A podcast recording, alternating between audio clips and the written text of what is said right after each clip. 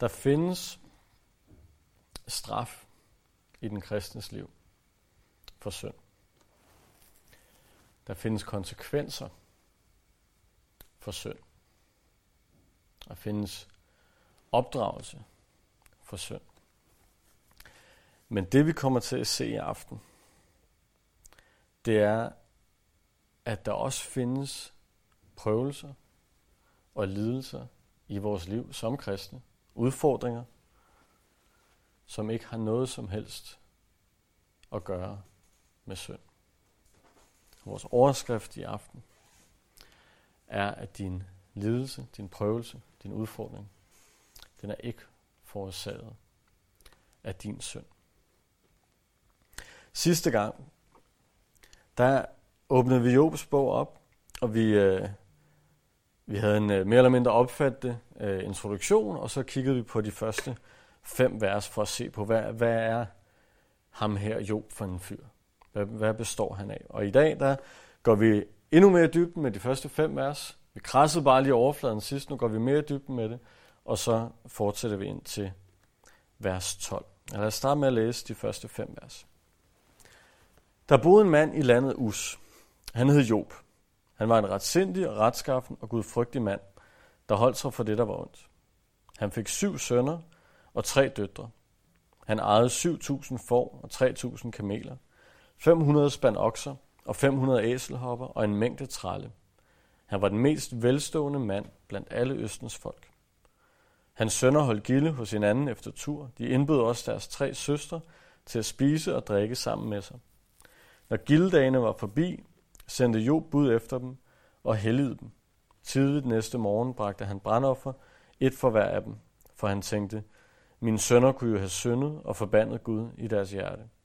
Sådan gjorde Job hver gang. Det første, vi bider mærke i her, det er, at der står, at Job han var en retsindig og retskaffen og gudfrygtig mand, der holdt sig for det, der var ondt. Det, det er flotte ord om, om et individ, om et menneske.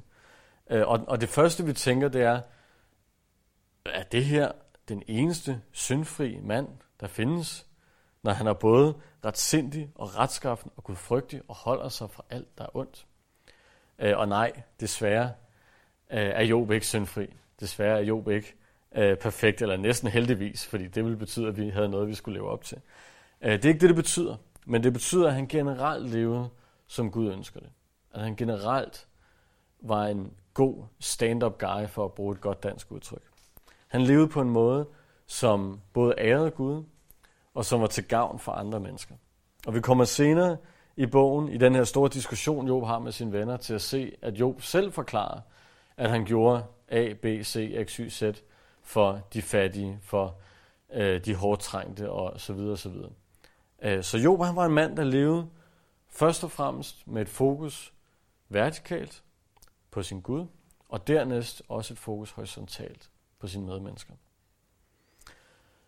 Ydermere så det her med, at han, han er retsindig og retskaffen, det betyder lidt det samme, som når vi læser om David, at han var en mand efter Guds eget hjerte. Det betyder ikke nødvendigvis, at han er komplet, perfekt og syndfri, men det betyder, at når han synder, når han falder, så omvender han sig, vender sig til Gud på ny, som Gud ønsker det, som Gud ønsker, at vi skal leve.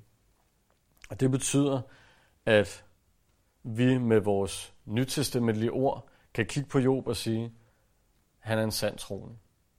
Han er en sand kristen, om man vil. Og det er lige akkurat det her, blandt andet. Men det her er et af de vigtigste punkter, som Job senere vil blive udfordret på af de her tre såkaldte venner. Øh, et af deres hovedargumenter er, at Job han er en stor synder, og det er derfor, at alle de her forfærdelige ting sker ved Job. Og de beskylder Job for selv at mene, at han er syndfri og perfekt.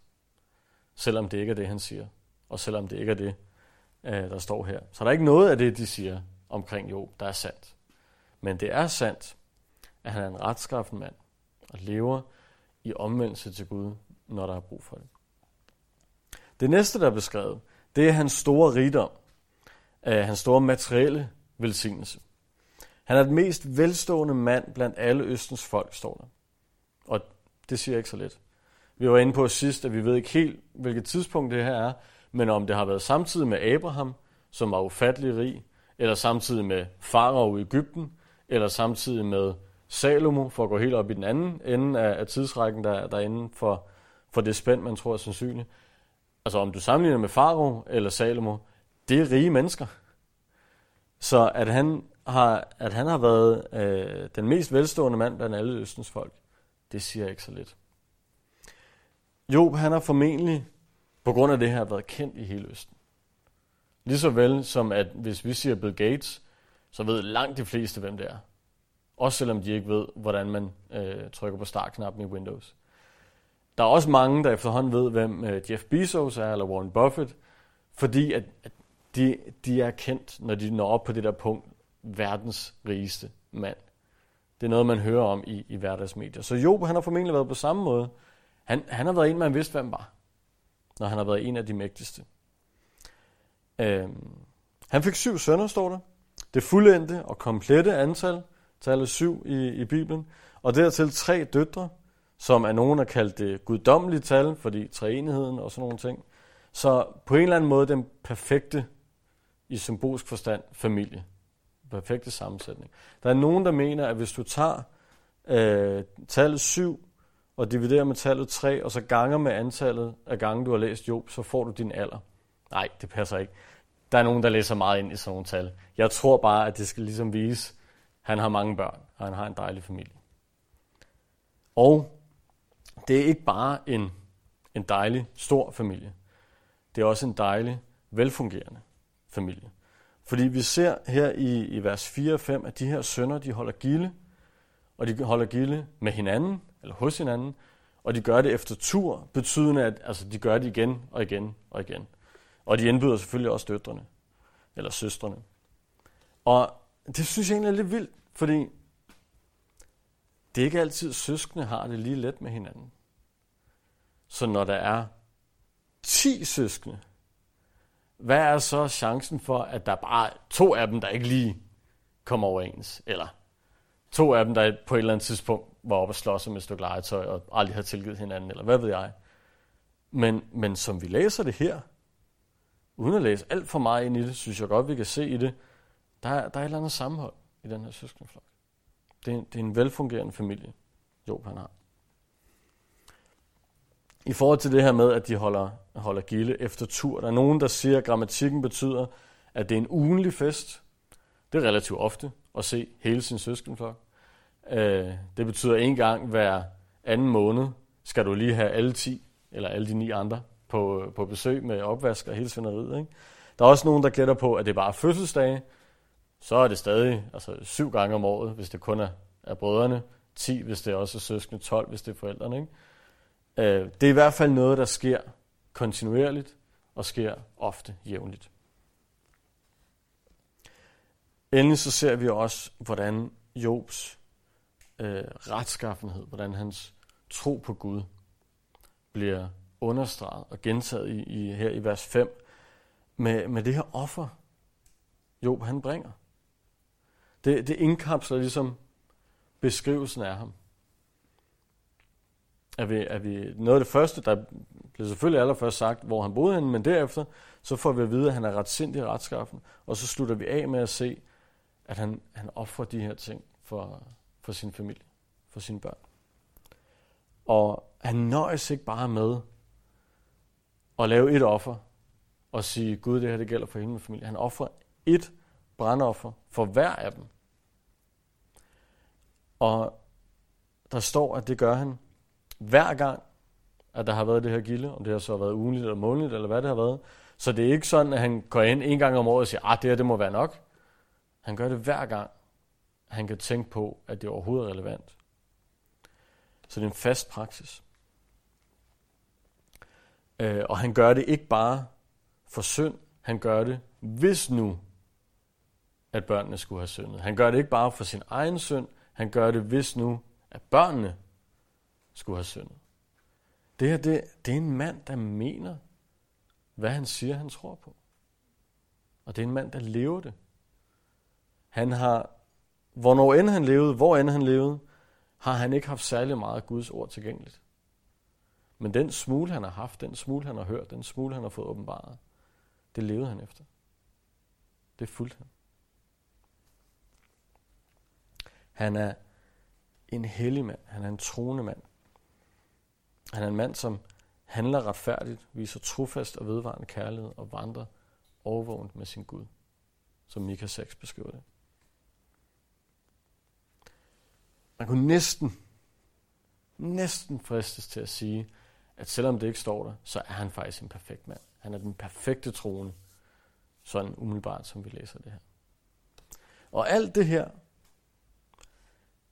hans velstand, hans tro, hans gerninger, hans levemåde, det passer perfekt sammen med det, nogen kalder herlighedsteologi. Prosperity gospel. Velstandsevangeliet, som nogen kalder det. Den her, jeg har næsten ikke engang lyst til at kalde det en lærer, men, men det er det nu engang. Den siger, at hvis vi blot har nok tro, så vil sin og Gud os materielt. Hvis vi lever retfærdigt, ligesom Job gjorde, så velsigner Gud os for vores store retfærdighed, for vores store tro. De lærer også, at Guds vilje for den kristne er, at han, hun altid skal leve godt, have det godt, være rask, rig, måske også berømt. Alle de der Hollywood glemmer ting. Og vi fremmer det gennem vores store tro. Og selvfølgelig så fremmer vi det også gennem en meget, meget generøs donation til kirkekassen, som står nede bagved. Det er klart. Nej, den står faktisk heroppe, så alle kan se, når du er i gang. Nej. Jeg kunne ikke lade være, da, da jeg sad med den her tekst og, øh, hvad skal man sige, funderede over, hvor godt det her det passer. Hvor godt et argument for, for herlighedsteologi det her. Kunne jeg ikke lade være med at, at google nogle af de her prædikanter, som står for den her lære. Øhm, og jeg, faldt, jeg faldt over en masse bøger. Jeg kunne godt lide bøger. Jeg tror ikke, jeg vil blive glad for at læse dem her, men jeg faldt over nogle bøger, og jeg synes, de her titler på bøgerne, de gav et super godt indblik i, hvad det er, den her herlighedsteologi, den står for. Den første bog, jeg faldt over, den hed God's Master Key to Prosperity. Yes, man. Så nu ved jeg, hvordan jeg opnår velstand. Ikke? Good, better, blessed. Living with purpose, power and passion. God's formula for success and prosperity. It's your time. Activate your faith, achieve your dreams and increase in God's favor. Det bliver bedre endnu, fordi vi har også prosperity. The choice is yours. Og så en af mine absolutte yndlings, your best life now. Your best life now. Hvis vi havde vores bedste liv nu, så ville vi have et uhyggeligt, kedeligt billede af, hvad himlen indeholder. Sådan altså helt ekstremt dårligt syn på, hvad himlen indeholder. Og så min absolute yndlings, uh, eat the cookie, buy the shoes. Fordi det er teologi, når det er absolut bedst. Eat the cookie, buy the shoes. Øh, jeg håber, at, øh, at mit, som minimum øh, mit toneleje antyder, at jeg er ikke særlig meget enig med, med den her øh, undervisning, med den her teologi. Øhm, men hvad der nok er endnu mere, endnu mere vigtigt, det er, at Bibelen heller ikke er særlig enig i den her undervisning. Øh, en Gud, vi alle sammen er på fornavn med, Agur, han øh, skrev nogle vers i ordsprogenes bog 30, hvor der står, giv mig hverken armod eller rigdom, men giv mig det at spise, der tilkommer mig, for jeg ikke skal blive så mæt, at jeg fornægter dig og siger, hvem er Herren, og for at jeg ikke skal forarme, så blive en tyv og krænke min Guds navn. Lad mig ikke blive for mæt af hvad en troende mand skriver her. Jesus han sagde selv, at det er lettere for en kamel at komme igennem et nåleøje, end for en rig at komme ind i Guds rige. Han sagde også, samle ikke skatte på jorden, hvor møl og rust fortærer, og hvor 20 bryder ind og stjæler. Men samler skatte i himlen, hvor hverken møl eller rust fortærer, og hvor 20 ikke bryder ind og stjæler. For hvor din skat er, der vil også dit hjerte være. Og i øvrigt, så mener jeg, at du skal samle dig skatte her på jorden. Jeg ser ikke, jeg, jeg ser ikke sammenhængen. Man kunne også tage utallige eksempler, bare i det nye testamente, på troende mennesker, som lever i armod og fattigdom, bare for at gentage de ord. Paulus lever altså fra mund til hånd. Det, det meste af sit kristne liv. Josef og Maria, Jesus forældre. De fleste af apostlene, og ham der Jesus i øvrigt, som ikke havde et fast sted at lægge sit hoved. For slet ikke at tale om altså, det centrale budskab i Bibelen, som er Guds nåde er os nok. Og det er Guds nåde, der frelser os og velsigner os. Ikke vores gerninger og tro. Og du synes måske, det er fjollet, at jeg øh, bruger så lang tid på det, men jeg, for det første, så synes jeg, det er vigtigt. Øh, det er vigtigt at understrege, hvad det er for noget. Øh, men derudover så er der en pointe, og pointen er det her, at velsignelse, om det så er åndeligt, eller om det er materielt. Velsignelse afhænger ikke af vores formåen. Lad mig sige det igen. Velsignelse afhænger ikke af vores formåen. Det er værende tro eller gerninger eller noget som helst andet. Vi bliver ikke automatisk rige, bare fordi vi lever retskaffen og retfærdigt, bare fordi vi gør det rigtige.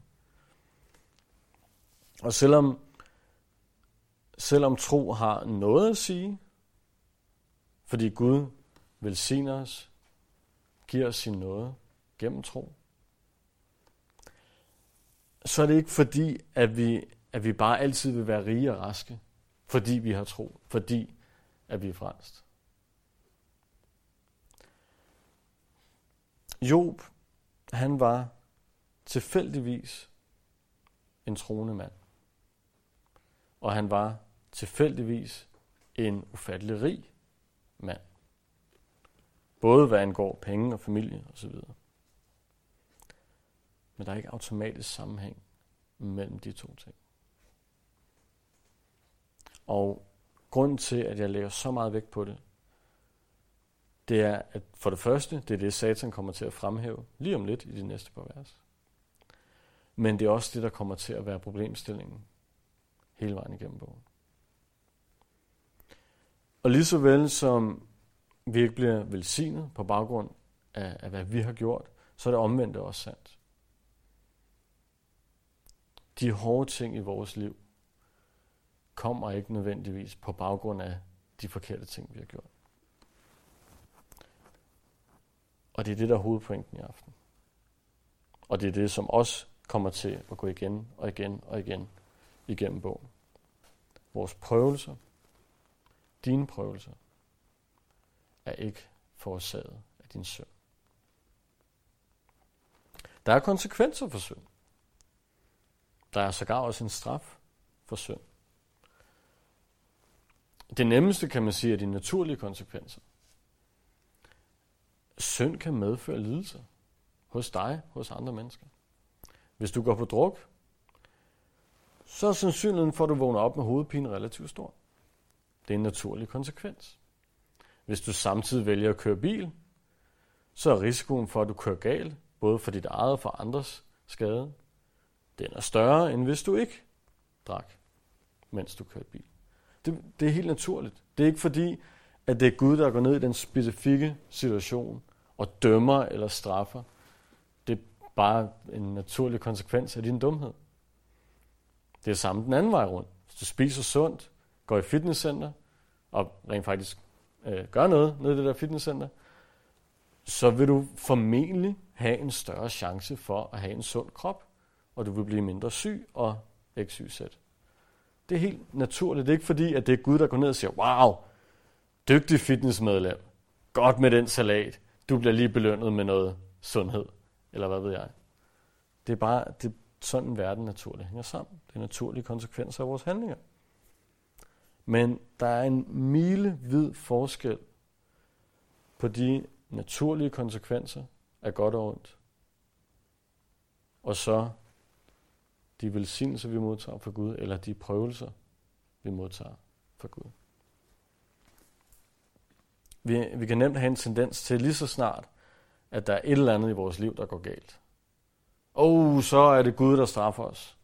Så ej, og øh, det er sikkert, fordi jeg kom til at tale mindre pænt til min kone i går, og øh, et eller andet, ikke? Det, det er så naturligt en ting, fordi det, det ligger så naturligt også mennesker. Bare tag julemanden, ikke? Han belønner alle de gode børn. Han giver ikke noget til alle de dårlige børn. Vi, vi bliver lært op med det. Det ligger som, som en kerne i os mennesker, det der med, øh, med belønning og straf. Alt efter, hvad vi er gode til. Eller mindre gode til. Problemet, når det bliver hævet ind i vores tro, det er, at det er en ufattelig byrde, den her herlighedsteologi, den ligger på folk. Især på folk, som allerede ligger ned. Prøv at forestille jer, at du kommer med en lidelse. Du kommer med et eller andet, du går igennem i dit liv, som vi alle sammen har fra tid til anden. Og så krænger du dit hjerte ud for et, for et åndeligt forbillede. Og så siger han til dig, det er fordi du ikke har tro nok. Nå, okay, så jeg har det både dårligt, og du giver mig skylden for det. Og ikke bare giver du mig skylden for det, det er også min åndelighed. Det er min tro, der er skyld i, at jeg har det dårligt. Au. Jeg er her for at sige til dig, det har intet med hinanden at gøre. Har intet med hinanden at gøre. Jo, hvis det er en af de her naturlige konsekvenser. Hvis du vågner op med hovedpine en lørdag morgen, så kom ikke og piv over, at, at dit liv er hårdt, for det er din egen skyld. Det er ikke det, vi taler om. Vi taler om de her større ting, som ikke har en direkte, naturlig konsekvens af noget, vi har gjort. Velsignelse afhænger ikke af vores formåen, og vores prøvelser er ikke forårsaget af vores synd. Og de næste vers, vers 6-12, de vil vise os hvorfor. De vil i hvert fald give os et perfekt eksempel på det. Lad os starte i vers 6. En dag kom gudsønderne og trådte frem for Herren. Blandt dem var også Satan.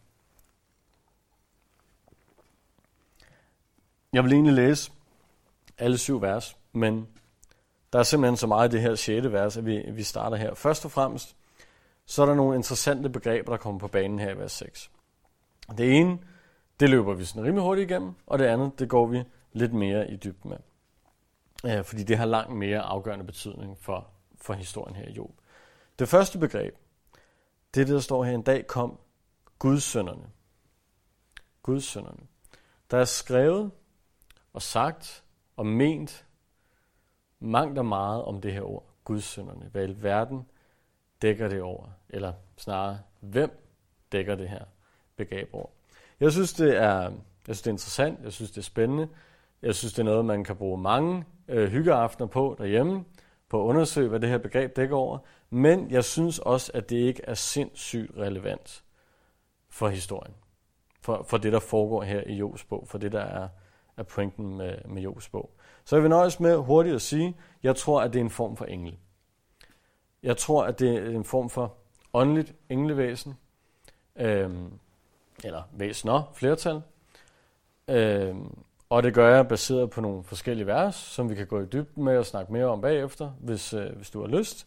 Øh, der er andre, der har andre holdninger, som jeg ikke nødvendigvis er 100% afvisende overfor. Blandt andet baseret på nogle andre vers, som vi også kan gå i dybden med bagefter. Øh, men jeg, jeg ser bare ikke den store betydning i, hvem det er. Så lad os hoppe videre, og så nøjes vi med at sige, at jeg tror, at det er nogle englevæsener. Øhm, og i den her sammenhæng, så er pointen, at hvad mænd det er, så er det nogle væsener, der har adgang til Guds trone. De kommer og stiller sig, øh, træder frem for Herren, som der står helt præcis. Og blandt de her, der er der en Gud, vi kender som Satan. Og det er det andet, og det er det langt vigtigere begreb, og derfor vil jeg langt hellere gå i dybden med, hvem han er for en. Ordet Satan, som det står her, det er fra hebraisk direkte Satan. Ikke med de bogstaver, vi kender, men hvis du tager det helt fonetisk, det er sådan, det her ord udtales. Øh, ordet i sig selv betyder modstander. Og det er brugt i det gamle testamente 27 gange. Og ud af dem, der er en tredjedel, der er det bare om en eller anden modstander. Så hvis du er et fodboldhold og skal spille en kamp, og siger du, det andet hold er vores modstander, så vil du sige, at det andet hold er vores satan. Måske ikke, når det bare lige er en fodboldkamp. Det er lidt stærkere ord end det, som vi måske kunne, kunne regne ud. Men, men det bruges også bare som en modstander. Men to tredjedel af de gange, det er brugt, der er det specifikt om øh, satanen, så at sige. Så står der den bestemte artikel foran. Og det er altså ham, vi normalt også kender som satan. Øh, her i Job er det udelukkende brugt som satan, som vi kender ham, og ikke som en eller anden modstander. Satan, han er andre steder, du kan spørge mig bagefter, hvis du vil have henvisningerne, men han er også kendt som slangen, han er kendt som den onde, han er kendt som djævlen, øh, som betyder øh, bagtaleren, han er kendt som dragen, han er kendt som Beelzebul og Beliar, han er kendt som fristeren, og han er også kaldt Lucifer, som betyder morgenstjernen. Og det her er det alle sammen fra specifikke steder i Bibelen. Jeg drager ikke noget andet ind, hvad alle mulige andre tænker om ham. Det her det er bibelvers. Hvad siger Bibelen om ham? Han er også omtalt sådan i, i person, så at sige, som at være en anklager. Han er en fjende eller modstander. Han er en tyv, morder og løgner. Han er en løgneånd. Han er løgnens fader. Han er denne verdens Gud. Og han er ham, som hersker over luftens rige. Ikke meget positivt i de vers. Det, de her ting anklager. Han er den, der anklager os over for Gud.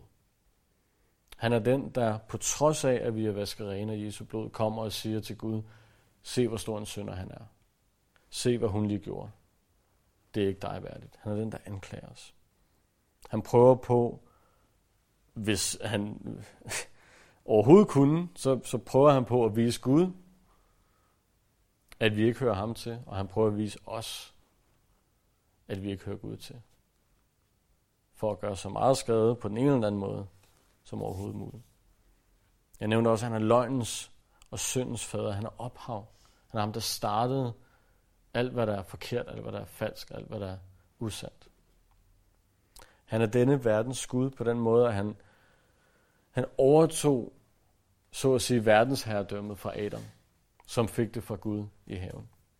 Men Adam valgte syndens vej, han valgte at overgive det til Satan. Og derfor beskriver Bibelen ham som denne verdens Gud, indtil Jesus kommer tilbage, som er den retmæssige arving. Han optræder intet mindre end 19, i, i 19 af 27 nytestamentlige bøger.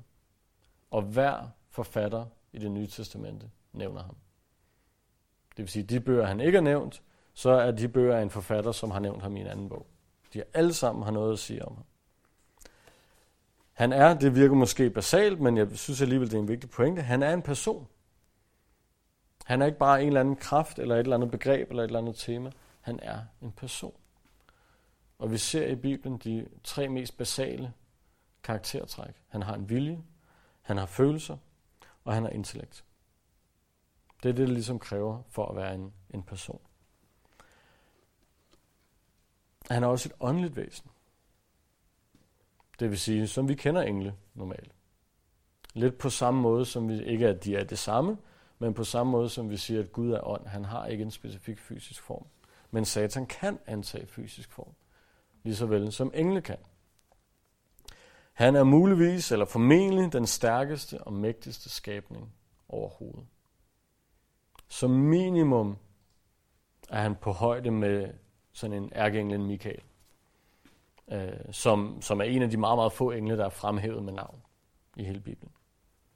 Hans primære aktivitet er at kæmpe imod Gud. Hans primære aktivitet er at imitere Gud. For at opnå det, som han trægter allermest, nemlig tilbedelse. Hvis der er noget, Satan gerne ville, så er det at skubbe Gud til siden og selv sidde på tronen og være den, der bliver tilbedt. Og måden, han gør det på, det er som sagt ved at imitere Gud, ved at efterligne Gud. Og måden, han, han prøver at stikke Gud allermest i hjertet, det er ved at angribe først og fremmest Gud selv. Derefter noget af det Gud elsker allermest, nemlig sit folk. Og herefter også alle andre. Og hans folk, så mener jeg både jøderne og kristne. Satan er nok et af de få væsener i verden, hvor man kan sige, det er ren ondskab. Normalt så, så vil man beskrive ondskab som værende en, en mangel i noget godt. At hvis, hvis en god person mangler evnen til at være god, så bliver han ond, så at sige. Han har ikke kapaciteten til at gøre godt. Det, ondskab er en mangel. En sygdom eksisterer ikke i sig selv. En sygdom, øh, og nu har jeg jo med fagfolk at gøre, men en sygdom øh, eller en parasit eksisterer jo ikke i sig selv, men den eksisterer i en værtskrop, så at sige. Det er en mangel i en krop, der burde fungere godt. Og sådan er det også med ondskab. Men Satan, han er nok den eneste, jeg vil sige, han er 100% ondskab.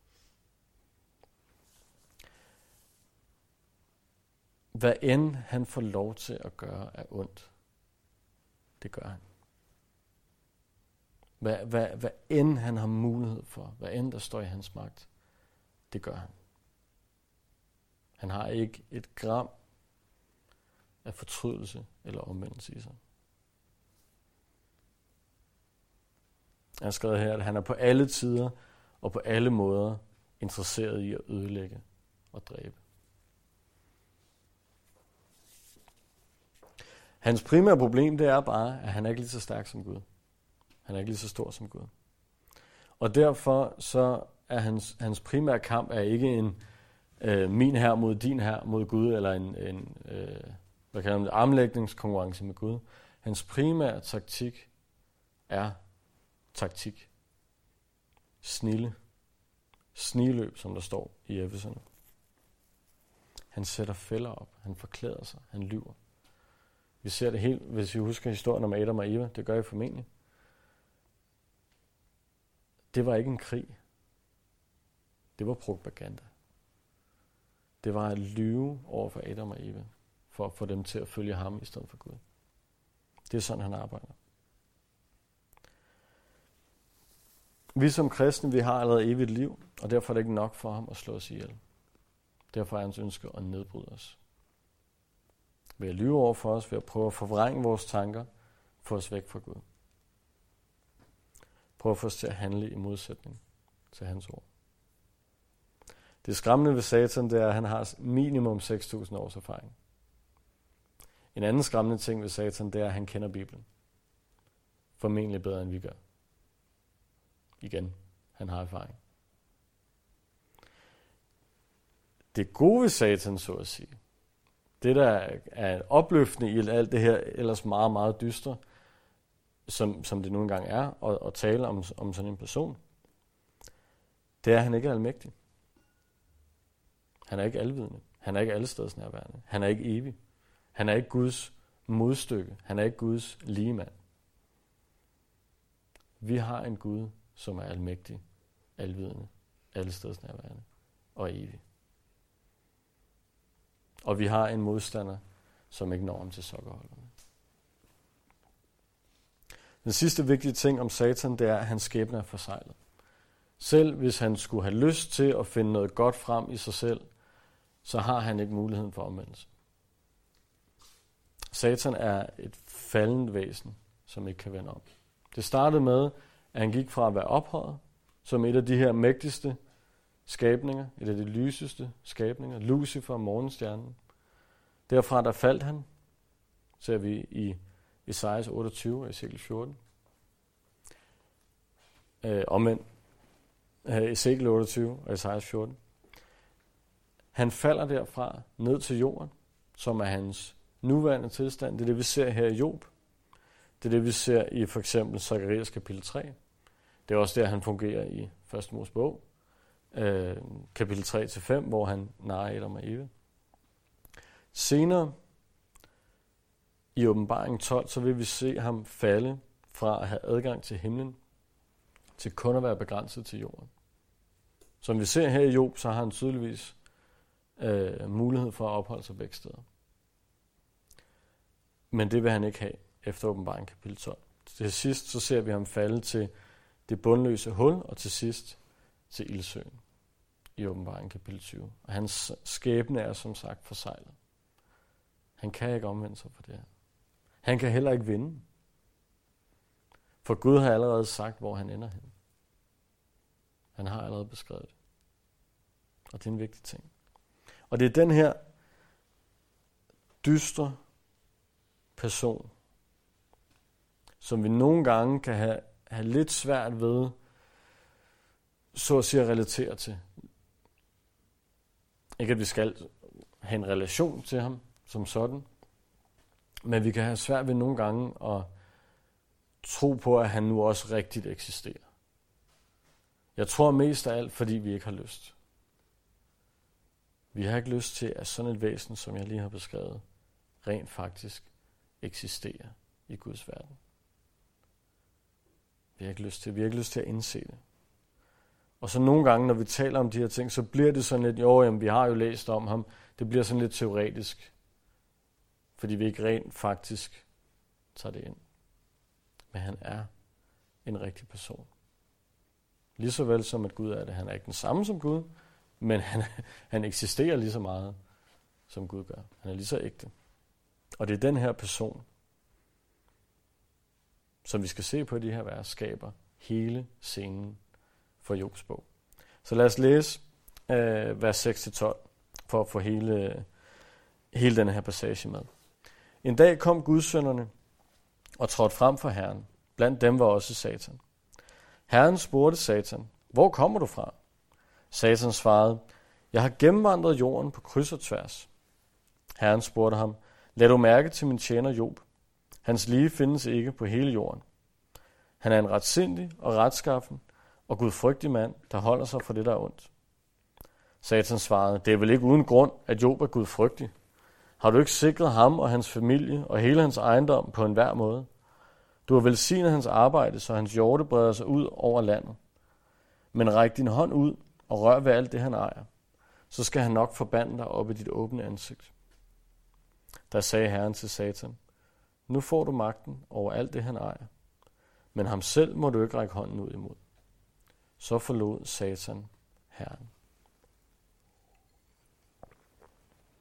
Det er en mærkelig historie.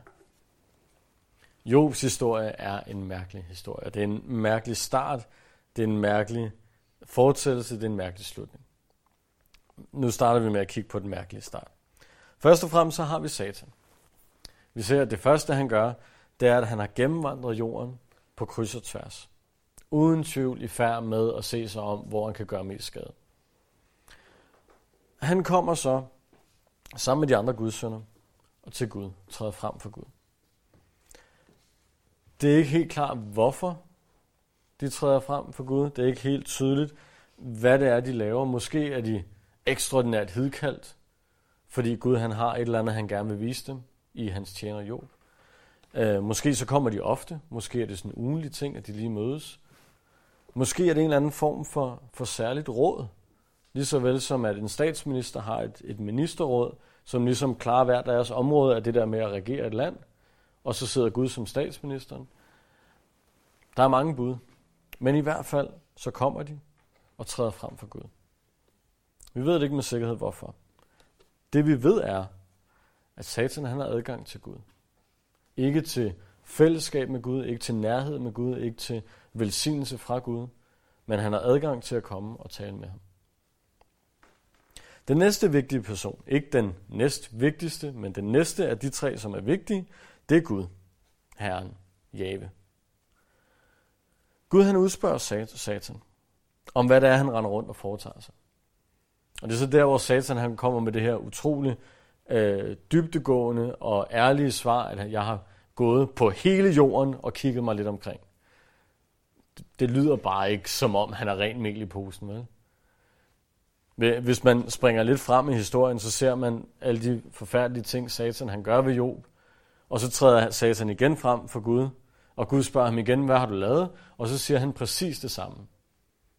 Så i det, han lige har været ude og ødelægge en mands liv, så siger han, nej, jeg har bare gået omkring på jorden, frem og tilbage. Så skal vi ikke antage, at han også har været i gang med, hvad en ondskab han nu kunne finde på i den her lille vandring om, øh, omkring jorden. Øhm. Efter han så har svaret det, så spørger Gud Satan, om han må på den her vandring, vandring har stødt på Guds tjener Job. Og den sidste vigtige person i den her omgang, det er Guds tjener Job. Guds tjener Job. Det er en titel, som ikke er brugt særlig ofte om specifikke individer. Hverken i det nye eller det gamle testamente. Men Job, han er speciel. Og en anden ting, der gør ham speciel i den her situation, det er, at Job, han er faktisk den eneste, som slet ikke er til stede i den her historie nu. Og ikke nok med det, Job han er nok også den, som allermest vil ønske, at han slet ikke var en del af den her samtale. Og at han aldrig ville blive det, selv hvis han vidste, at han var en del af det. Han ville nok allermest ønske, at Gud ikke havde set ham som værende speciel. At Gud ikke havde fremhævet ham i den her samtale med Satan. Han ville nok bare ønske at være gennemsnitlig. Men det er han nu engang ikke. Han er noget specielt. Og Gud, han understreger selv her. En ting er, at forfatteren af bogen, som vi tror er inspireret af Helligånden, han har sagt, at Job han er retfærdig, retskaffen, Gud frygtig, holder sig fra alt, hvad der er ondt. Men Gud selv understreger det med præcis de samme ord. Så vi har Guds ord for, at Job han er en retsindig, retskaffen, Gud frygtig mand, som holder sig fra alt, der er ondt. Og det skal vi have i baghovedet gennem hele bogen. Også gennem de her vers. Det, der så er selve kernen, nu har vi set de tre hovedpersoner. Det, der så er selve kernen, det er det, der foregår i vers 9-11. Øh, Gud han spørger, har du set ham her, Job? Og Satan han svarer, det er vel ikke uden grund, at Job er Gud frygtig. Har du ikke sikret ham og hans familie og hele hans ejendom på en hver måde? Du har velsignet hans arbejde, så hans hjorte breder sig ud over landet. Men ræk din hånd ud og rør ved alt det, han ejer, så skal han nok forbande dig op i dit åbne ansigt. Satan udfordrer Jobs motiver. Satan siger, at Job, han er kun en god mand, en retfærdig trone, fordi han er velsignet. Han gør kun de her ting for at blive velsignet. Og han bliver kun ved med at gøre dem, fordi han er blevet velsignet. Det ved vi allerede ikke er tilfældet. Det så vi på sidste gang, men også i og med, at, at Gud han understreger den her karakter i Job. Men det er det, Satan han anklager ham for. Det lyder bekendt, gør det ikke? Det der med at gøre noget for at blive velsignet. Det her, det er herlighedsteologi, når det er bedst. Eller værst. Og, og vi ser i de her vers, hvem der er ophav til den her teologi. Det er Satan, der har fundet på den. Det er Satan, der har fået det her ind i hovedet på mennesker. At det der med at opnå velsignelse, det gør vi gennem vores, vores tro eller vores måde at leve på. Men ikke nok med den anklage. Ikke nok med, at han anklager Jo for at have skrevet den der bog med Eat the cookie, buy the shoes. Så anklager han også øh, ikke Satan. Satan anklager Gud i det her, og han gør det med en endnu større tilsvingning. Fordi han siger, Gud, du er ikke værdig til at blive tilbedt for den du er. Din nåde, din storhed, dit skaberværk, din magt, er ikke nok for, at mennesket skal have lyst til at tilbede dig. Job har brug for at blive bestukket, før han gider at tilbede dig. Så uden at sige det direkte op i ansigtet på Gud, så bare ved at omtale Job på den her måde, så får han givet den største fornærmelse til Gud. Nemlig ved at sige, du er ikke værdig. Du har brug for at bruge snydekoder, for at der er nogen, der gider tilbede dig. Og det er her, at det hele starter. Hele historien om Job starter med, at Satan siger, men ræk din hånd ud og rør ved alt det, han ejer, så skal han nok forbande dig op i dit åbne ansigt. Og der sagde Herren til Satan, nu får du magten over alt det, han ejer, men ham selv må du ikke række hånden ud imod. Det er det her, der er udgangspunktet for alt, hvad der sker med Job. For alt, hvad vennerne kommer til at diskutere med Job. Og samtidig så er det noget af det, der er absolut sværest at forstå. For, for hvad er det, der foregår her? Er det Satan, der tiger Gud, udfordrer Gud, lokker ham i en fælde, så han får lov til at gøre ondt mod Job? Har Satan snydt Gud? Var han smartere end Gud? Var han klogere end Gud? Nej, det vil jeg heller ikke mene. Men, men det er sådan, det ser ud. Og nej, selvfølgelig kan Gud ikke snydes af Satan. Så, altså, hvis der var et eller andet lille hul i Guds viden, hvor Satan kunne trænge igennem og være smartere, så vil han ikke være Gud. Men Gud er nu engang langt større. Og grunden til alt det her er langt større end bare, at Satan lige var smartere end Gud. Og det kommer vi til at gå i dybden med næste gang. Men det der er pointen nu, det er, hvad der ligger til grund for, at Job han bliver kastet ud i alt det her, som vi kommer til at se på i de næste vers. Den her prøvelse, den er test af hans tro. Det er ikke på grund af hans synd. Det er ikke på grund af hans manglende tro, manglende gerninger, manglende egenskaber. Noget som helst andet, der har med ham at gøre. Han var ikke engang en del af samtalen. Tværtimod, så er det omvendt. Han bliver fremhævet, fordi han er en god mand. Fordi han gør alt det, der er rigtigt. Ikke fordi, at han var rig og berømt osv. Gud fremhæver ham specifikt på grund af hans karakter, på grund af hans tro. Og det er derfor, at han er særlig egnet til den her test, til den her udfordring. Fordi han havde den absolut stærkeste karakter. Men Jobs prøvelse er ikke forårsaget af hans synd. Det kan virke fjollet, at jeg gentager det. Men Gud han gentager sig selv, når tingene er vigtige. Og lige så vel som at al hans rigdom og al hans storhed osv., den ikke var forårsaget af hans positive tro, så er alt det, han kommer til at gå igennem med negative ting, ikke forårsaget af noget i ham selv. Det hele afhænger af Gud. Og al hans velsignelse afhænger af Guds nåde. For hvis du skulle være i tvivl, så underviser Bibelen det akkurat modsatte af herlighedsteologi.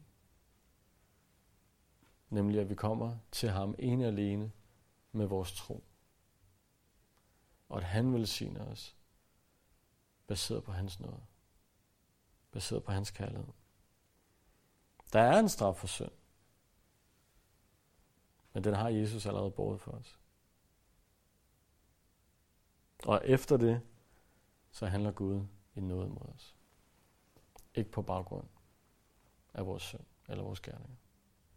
Lad os bede.